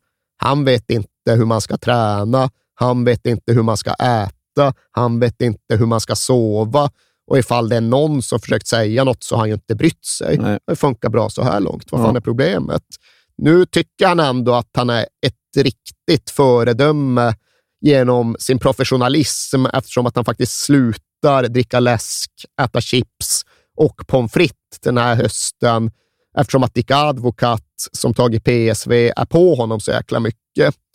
Men trots då denna extrema uppoffring i professionalismens tjänst så börjar han få problem med knäna i december 1995. Och det är inte så att det är några akuta bekymmer till en början, utan det är mer en så här malande, molande verk som hugger till ibland. Och först är det inte klart vad det är, men sen blir han diagnostiserad med Osgood-slatter. Ja, just det. Ja, Idag är det väl, det har väl folk koll på, slatterknä pratas det väl Absolut. Ja, men det är ju att när du växer, Ja. du inte riktigt hinner med. Liksom. Ja, det är väl, ja, och typ anstränger dig för mycket. Så, ja. Och det fanns ju för teorier, men du har spelat för mycket på liksom hårda cementgolv när du var liten. Men i grund och botten är det väl just växtverk. Och det förstärks eventuellt av att hans muskulatur ser ut som den gör. Han börjar ju bli en bäst med ja, kanske framförallt extrema jävla lårmuskler. Och kanske är det så att knäna inte riktigt orkar stötta upp Ja, det. allt det här. Men hur det nu än är så är väl tanken från början att det här går kanske att ja, men vila och växa bort. Det kanske försvinner av sig själv på ganska kort tid. Men så blir det inte, utan Ronaldo gör ett ingrepp, en mindre operation i början av 1996 och ja, men kommer sen egentligen aldrig tillbaka i Eindhoven. Han är visserligen i speldugligt skick i slutet av säsongen och får hoppa in i både semin och finalen av den holländska cupen. Men själv känner han såklart att han borde ha tillåtits att göra mycket mer. Han är sur på Dick Advocat för att han inte får spela från start från första minut, för ja, det tycker han själv att han hade klarat av. Men när PSV ändå vinner kuppen ja, är Ronaldos bidrag insignifikant. Och det är faktiskt så att målet han gör i slutet av november mot Utrecht i kuppens allra första runda, ja, det blir det sista mål han gör för PSV Eindhoven. Ja. För nu tar han semester hemma i Rio och han känner sig redo för större klubbar. Ja, det blir inte så jättemycket semester för det är snart dags för landslagsuppdrag. Men det är helt sant att både han själv och hans representanter och företrädare och inofficiella syokonsulenter, ja, de är alla överens om att det är dags för nästa steg. Ja. Och ja, har man varit i PSV som brasiliansk anfallsstjärna, vad är egentligen nästa flytt? Vad skulle Romario säga? Nej, vad säger mentorn? Ja, han säger såklart att det är dags att gå till Barcelona. Ja. Och den här gången är väl så gott som alla överens om att det är rätt kliv att ta. Men för den sakens skull är inte övergången enkel att få i lås. Och det är väl så att alla berörda och inblandade egentligen berättar olika historier om exakt hur det gick till, för alla vill ju själva vara huvudpersonerna. Och ja, men Det här utgår då från ett Barcelona som precis sagt farväl till Johan Cruyff och följaktligen är en klubb i, ja men det råder rätt mycket ovisshet. Och det skulle komma att visa sig att engelsmannen Bobby Robson tar över som manager och officiellt gör han det först i juli 96. Men ifall du läser hans egen självbiografi så menar han ju där att det är helt ja, men Ronaldo-värvningen egentligen är hans från början till slut. Redan när det börjar resoneras och diskuteras om ett kontrakt för honom i Barcelona så undrar ju presidenten Núñez lite om vad han skulle vilja ha för nyförvärv. Och, ja, men själv tycker presidenten att det krävs ja, men en målgörare, en stjärna för att få fansen entusiastiska. Och Robson vill först ha Alan Shearer, men det går ju inte. Ja, finns det någon annan? Jo, då har ju Robson med sitt överlägsna öga och sitt omfattande kontaktnät fått ögonen på en undanskymd juvel. Han har minsann hört talas om en kille som heter Ronaldo som spelar uppe i Holland. Och ja, jo, det fanns nog en del andra som också hade ögon just ditåt. Men Bobby Robson har ju rätt i att hans kontaktvägar in i PSV var ovanligt goda. Ja. Han hade ju coachat där alldeles nyss och kunde därför ringa upp PSVs president och i praktiken då själv bedriva förhandlingarna. Och Bobby Robson har liksom ganska utdragen redogörelse för ja, hur han trodde att det skulle gå att köpa honom för drygt 100 miljoner svenska kronor. Det visade sig bli dubbelt så mycket och det var ju invecklat gentemot Barcelona-ledningen. Men ja, ja, till slut kommer klubbarna överens. Bobby Robsons telefonfärdigheter innebar att PSV gick med på att sälja Ronaldo till Barcelona för drygt 200 miljoner svenska kronor. Men Vilket var världsrekord då? va? det var världsrekord Ja. och det fick även konsekvensen att Barcelona därmed skulle avstå från att fullgöra den värvning av Zinedine Zidane från Bordeaux som Johan Cruyff hade krattat för. Ja. Ja visst, det där var väl egentligen överenskommet, men nu är Cruyff borta och vi vill gå i en annan riktning, så ah, vi bara glömmer det där med Zidane. Ja. Och, ja, det fanns för och nackdelar med båda sidor här. Men det var också så att även om nu PSV och Barcelona var överens så skulle den överenskommelsen bara vara giltig under ett par veckor. Hade Barcelona därefter inte kommit överens med spelaren, ja, då skulle allt ogiltigt förklaras. Och det kan man ju tycka att det borde vara okomplicerat eftersom att Ronaldo lyssnade på Romario och tyckte att Barcelona var det rimliga valet. Men Ronaldo var svåråtkomlig, för han hade då lämnat Rio och dragit till Miami, där det var dags att ladda upp inför sommar-OS. Och som sagt, det finns många som vill bygga upp sig själv som oumbärliga huvudpersoner i den här transfersnurran. Men eftersom Juan Gaspar är mest underhållande av dem så väljer vi att, ja, om inte tro på honom, så i alla fall återberätta även hans version. Ja. För han var ju då inte president för Barcelona. Han skulle komma att bli det, men nu är han ja, men en styrelsemedlem. Och han ska ha fått uppdraget av president Núñez att dra till Miami och få klartecken av Ronaldo. Och ja, Jag har väl lite svårt att fatta varför inte de här agenterna som hela tiden var så extremt flitiga i kommunikation och dialog, varför gick det inte bara att gå igenom dem? Nej. Men det gjorde det tydligen inte, utan det krävdes en rejäl sittning med Ronaldo själv och han var helt omöjlig att komma åt. gick inte att ringa honom, gick inte ens att faxa honom när han inte var i Philipslägenheten i Eindhoven. Så det krävdes öga mot öga. Men han var ju då inlåst på brassarnas spelarhotell och där stod det gorillor och bevakade och ingen kom in och ingen släpptes ut. Så nej, det gick fan inte att komma fram till Ronaldo. Hur fan skulle Gaspar då lösa detta? Jo, då får han ju snilleblixten att muta en servitör, få dennas utstyrsel, ta på sig den, fixa en cola på någon jävla bricka och hade advokat fått Ronaldo att sluta dricka läsk så gällde det tydligen inte i Gaspars historia i alla fall. Nej.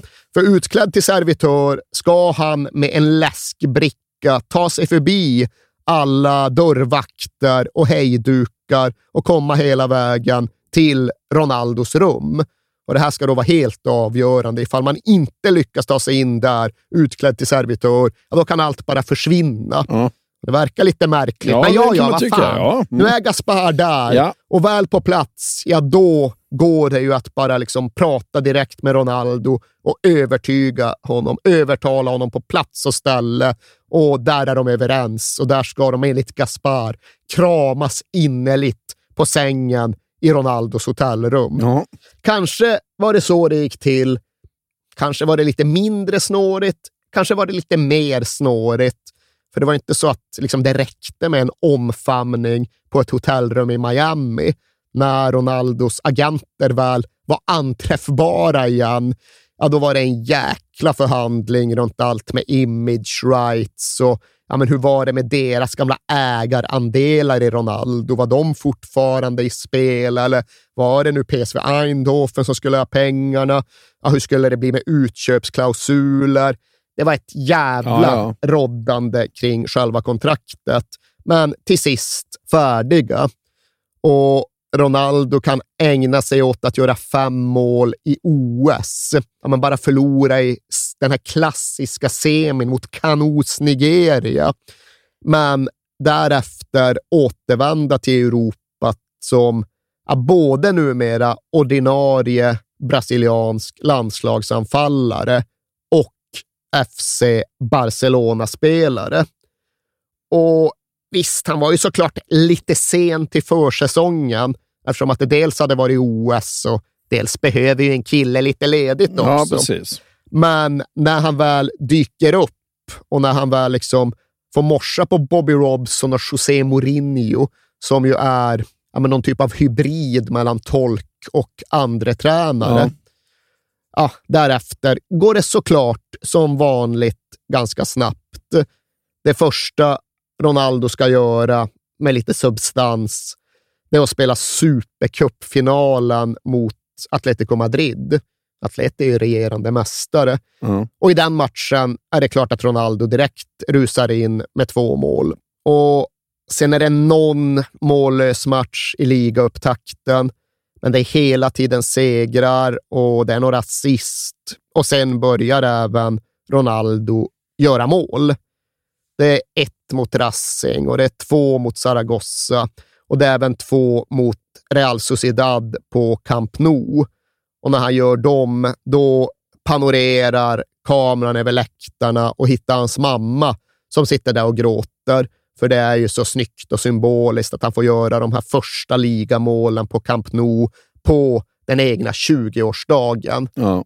Inte den riktiga 20-årsdagen. Då. Alltså det, han har varit 20 i fyra dygn, men Ja, ja, den officiella födelsedagen.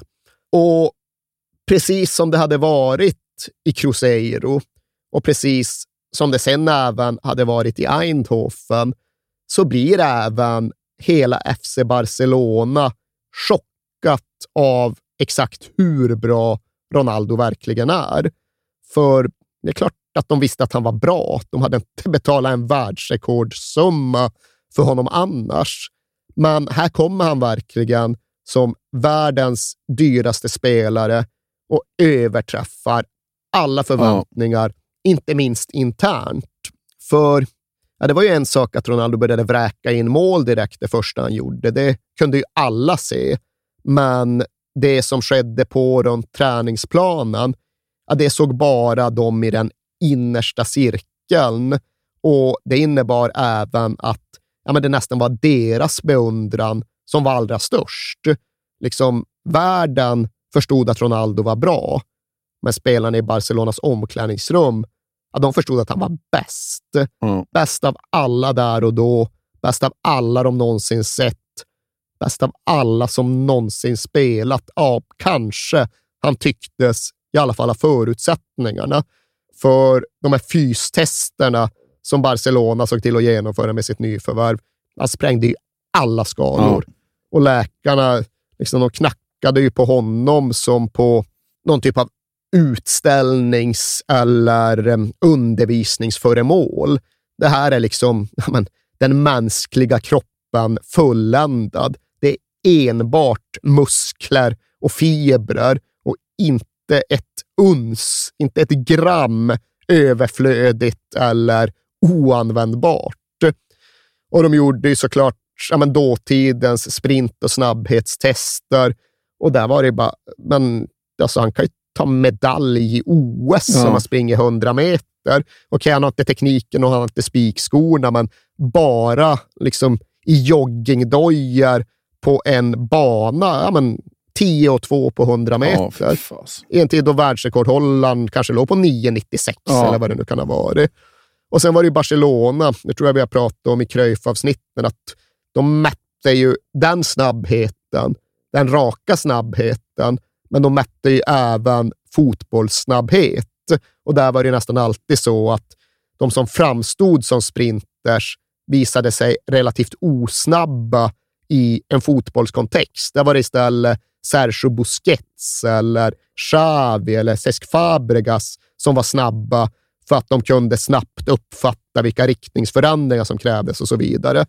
Men även där var tydligen Ronaldo helt överlägsen. Ja. Han hade liksom den uppfattningsförmågan och liksom den kapaciteten till snabba riktningsförändringar som annars brukar vara liksom de låga tyngdpunkterna förunnat. Och för den delen även den spelförståelsen, för även när de introducerade fotboll och spelmoment var det alltid så att ja, vi har långsamma killar, vi har snabba killar, vi har riktigt snabba killar och så har vi Ronaldo som är på en Ja. helt annan nivå. Ja. Och Laurent Blanc spelade i Barcelona på den här tiden, liksom den franska mittbacken som skulle komma att uppnå rätt mycket med sin fotboll.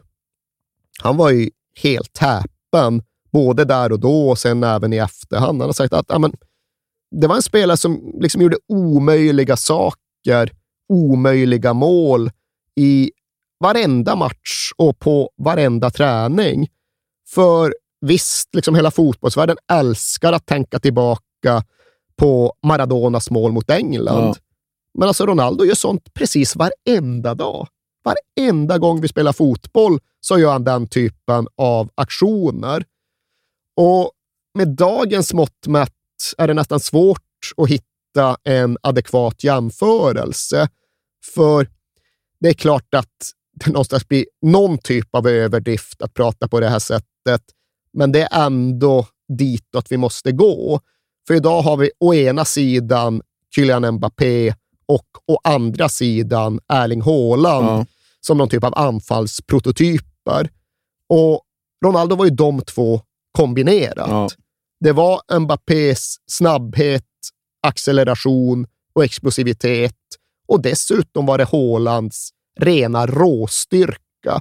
Okej, okay, kanske inte i samma extrema mängd, för Haaland är ju mer storvuxen, men alltså Ronaldos boxarfysik. Ja, det var som vi... en liten Tyson som sprang Ja, men faktiskt. Ja. Och det var också Bobby Robson, en herre med målande språk. Han kunde verkligen häpna av hur boxarlik Ronaldo såg ut utan matchtröja. Underbara biceps. Härligt definierade skuldror. Och ja, trots då att han var liksom ganska lång och smärt på sprintersätt så hade han också den här rena, skära kraften som bara fick motståndare att studsa mot honom.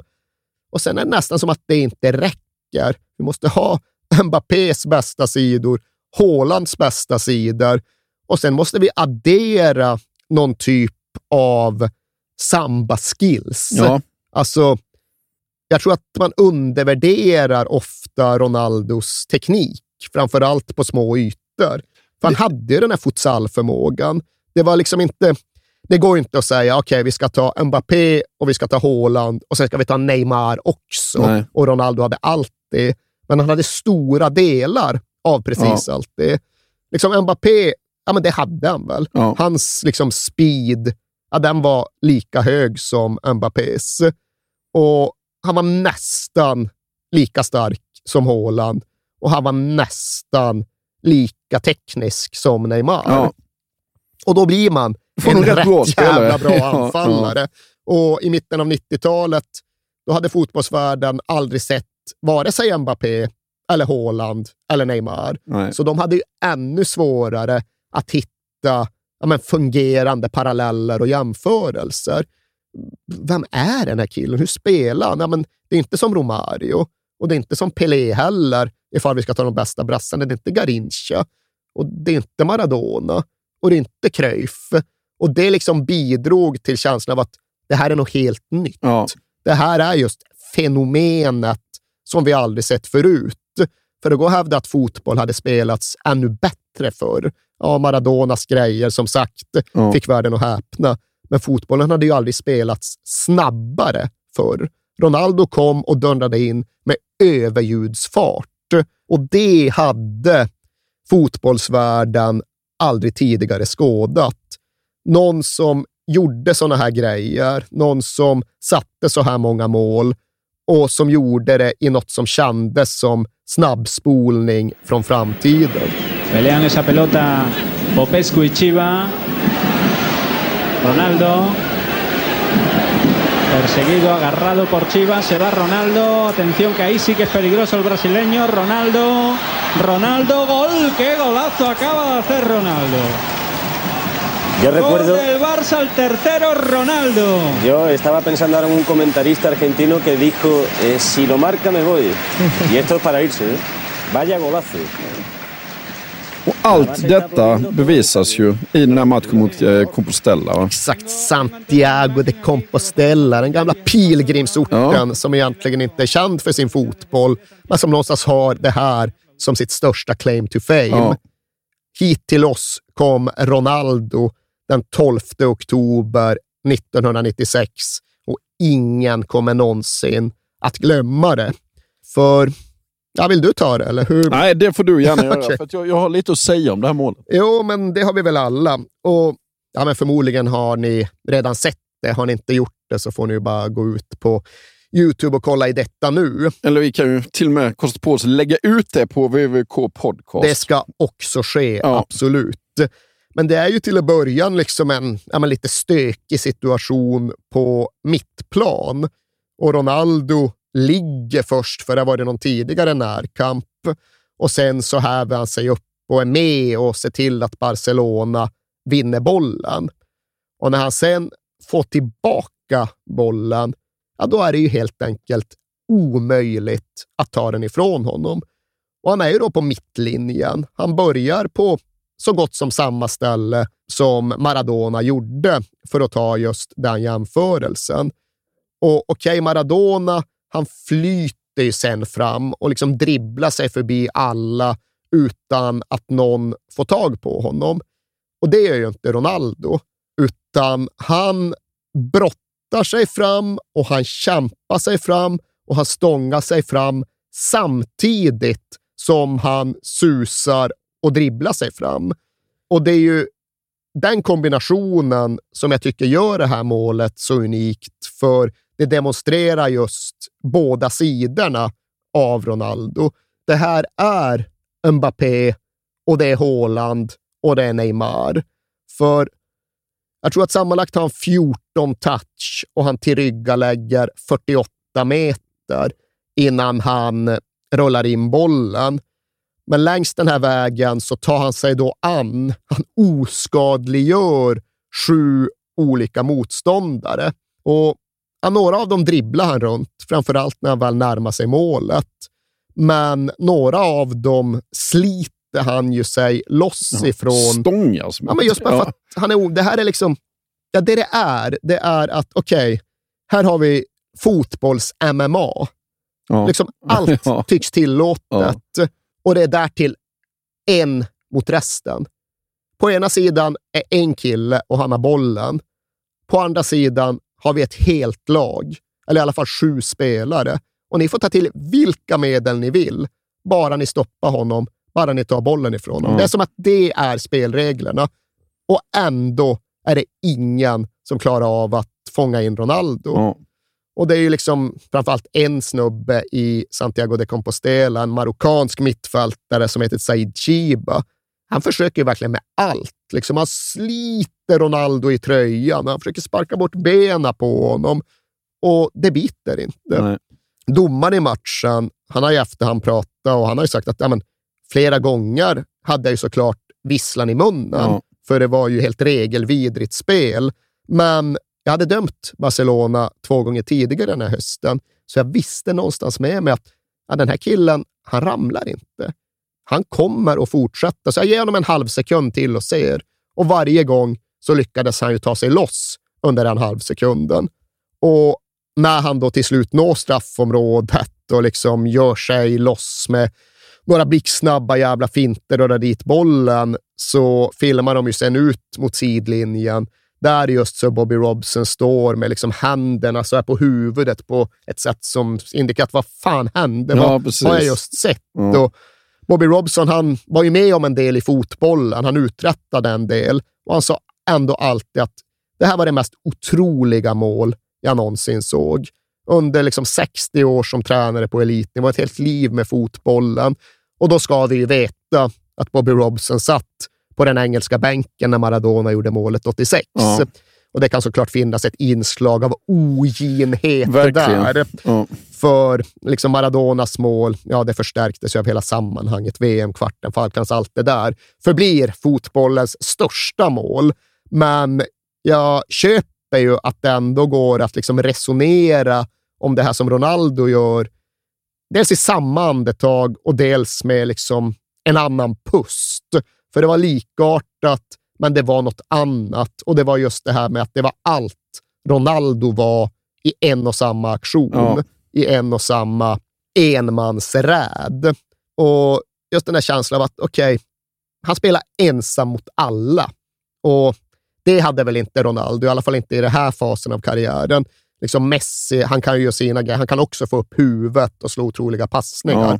Ronaldo fick sällan upp huvudet, Nej. utan han borrade ner och sen körde han tills bollen låg i nät. Ja. Men han var ju en hel anfallslinje i en man. Han var ytter, center, target, alltså genombrottsspelare, djupledslöpare. Bara han.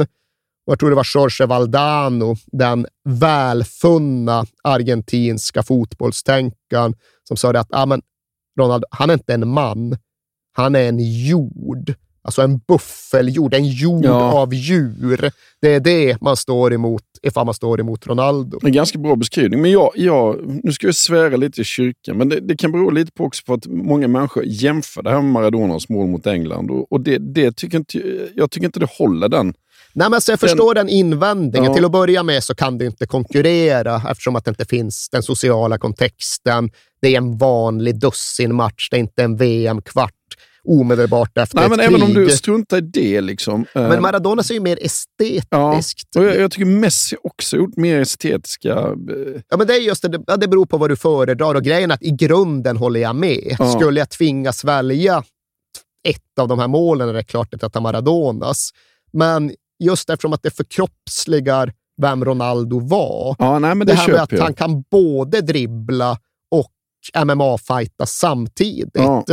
Liksom, Maradona var ju också en hård jävel, men han kunde inte studsa sig loss och slita sig fri på det här sättet. Nej, det, det är helt sant. Men det, det ska bli kul att, att se vad våra lyssnare tycker faktiskt när vi lägger upp Nej, men jag är rätt säker på att de flesta lyssnare köper din linje, för de flesta vill ju se liksom, det estetiskt fulländade. Ja. Det här är inte estetiskt fulländat. Det är ganska Ja, men det är en kantigt. buffeljord. Ja, Ja, exakt. det är En buffeljord som Ja. anfaller själv och skenar fram över en försvarslinje. Och det kanske är bättre just som illustrativt mål för en spelare och hans kvaliteter än som utställningsföremål i en ram på Louvren.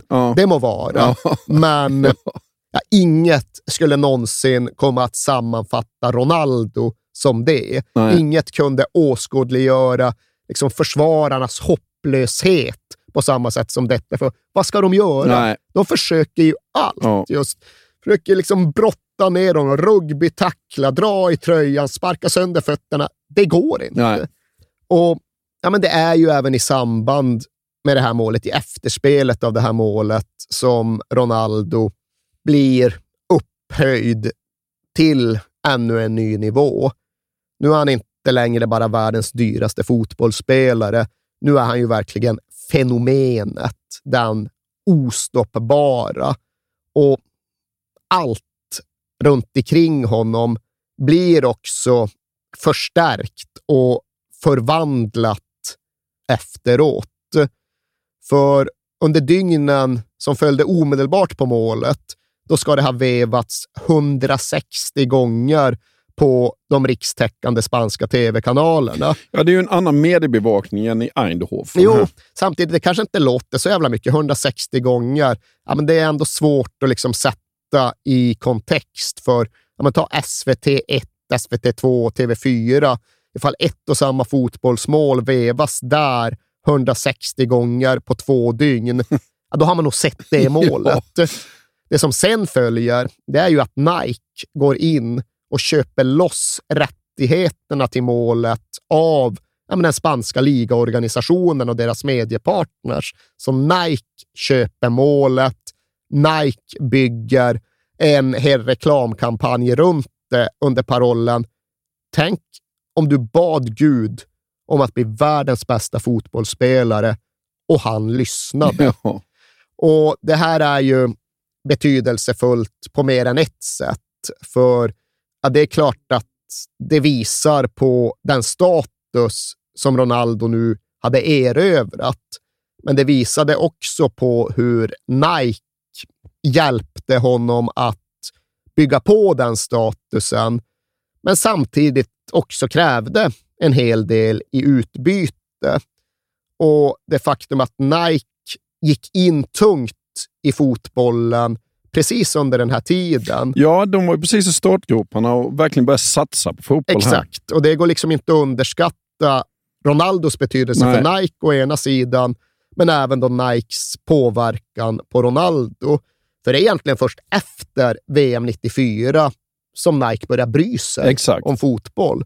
Fram till och med det hade det väl varit sånt som ja, men de där obetydliga européerna sysslade med. Låt Adidas och Puma och de göra sina grejer för ja, vi har viktigare saker för oss.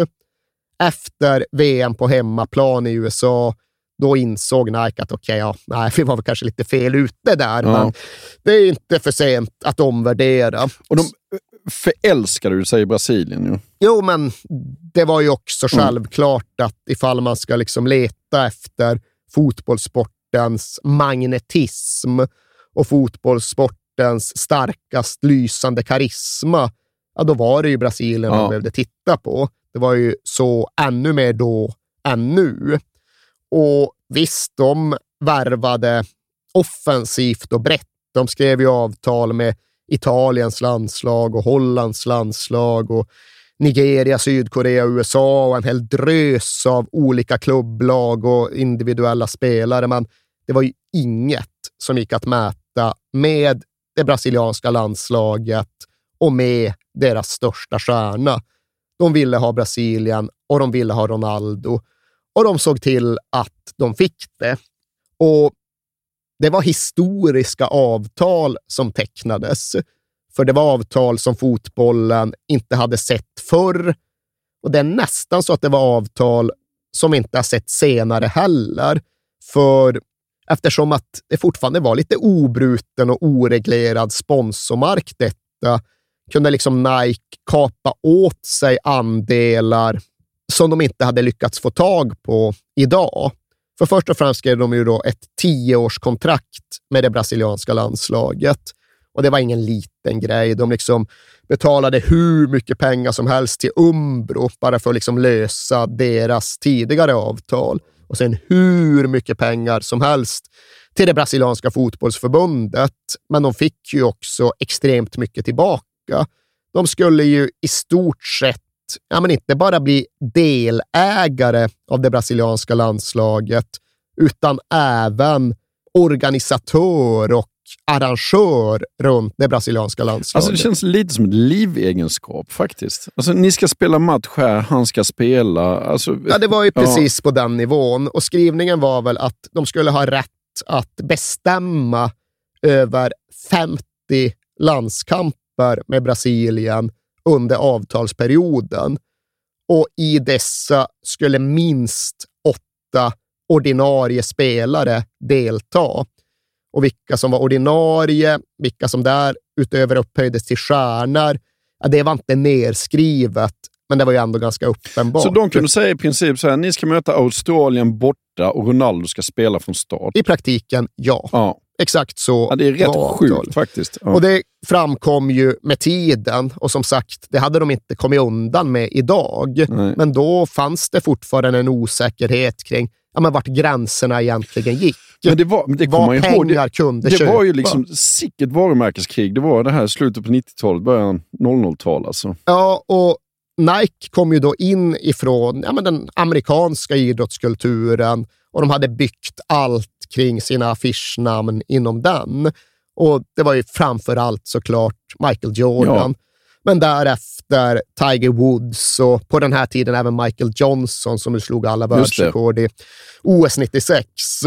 Och nu då in med Ronaldo i det facket. För det var ju det facket, alltså de hade andra fotbollsspelare. De hade så Christian Vieri och Roberto Carlos, men de ska inte Ronaldo beblanda sig med.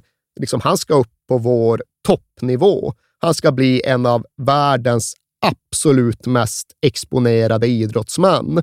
Och det innebar som helhet jag menar, att den kommersiella karusellen, de kommersiella värdena runt Ronaldo, precis här och nu, under 1996 då de här avtalen skrivs, ja, de är större än något annat vi sett inom fotbollen tidigare. Och det menar ju inte att ja, men, han var en större stjärna än Maradona eller Pelé.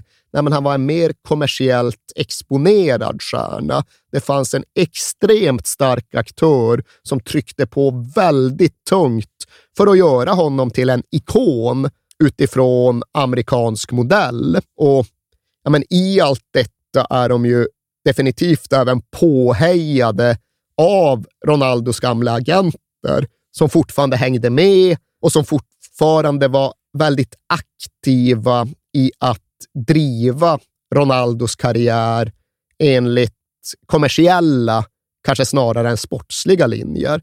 För okej, okay, nu gör han det här målet mot Santiago de Compostela. Det är liksom kröningen på en sensationell start i FC Barcelona. Men det har gått tre månader, fyra månader sedan han först kom till klubben. Och nu börjar de ju omedelbart pressa på för ja, om inte en kontraktsförhandling och en kontraktsförbättring, så en försäljning. Ja.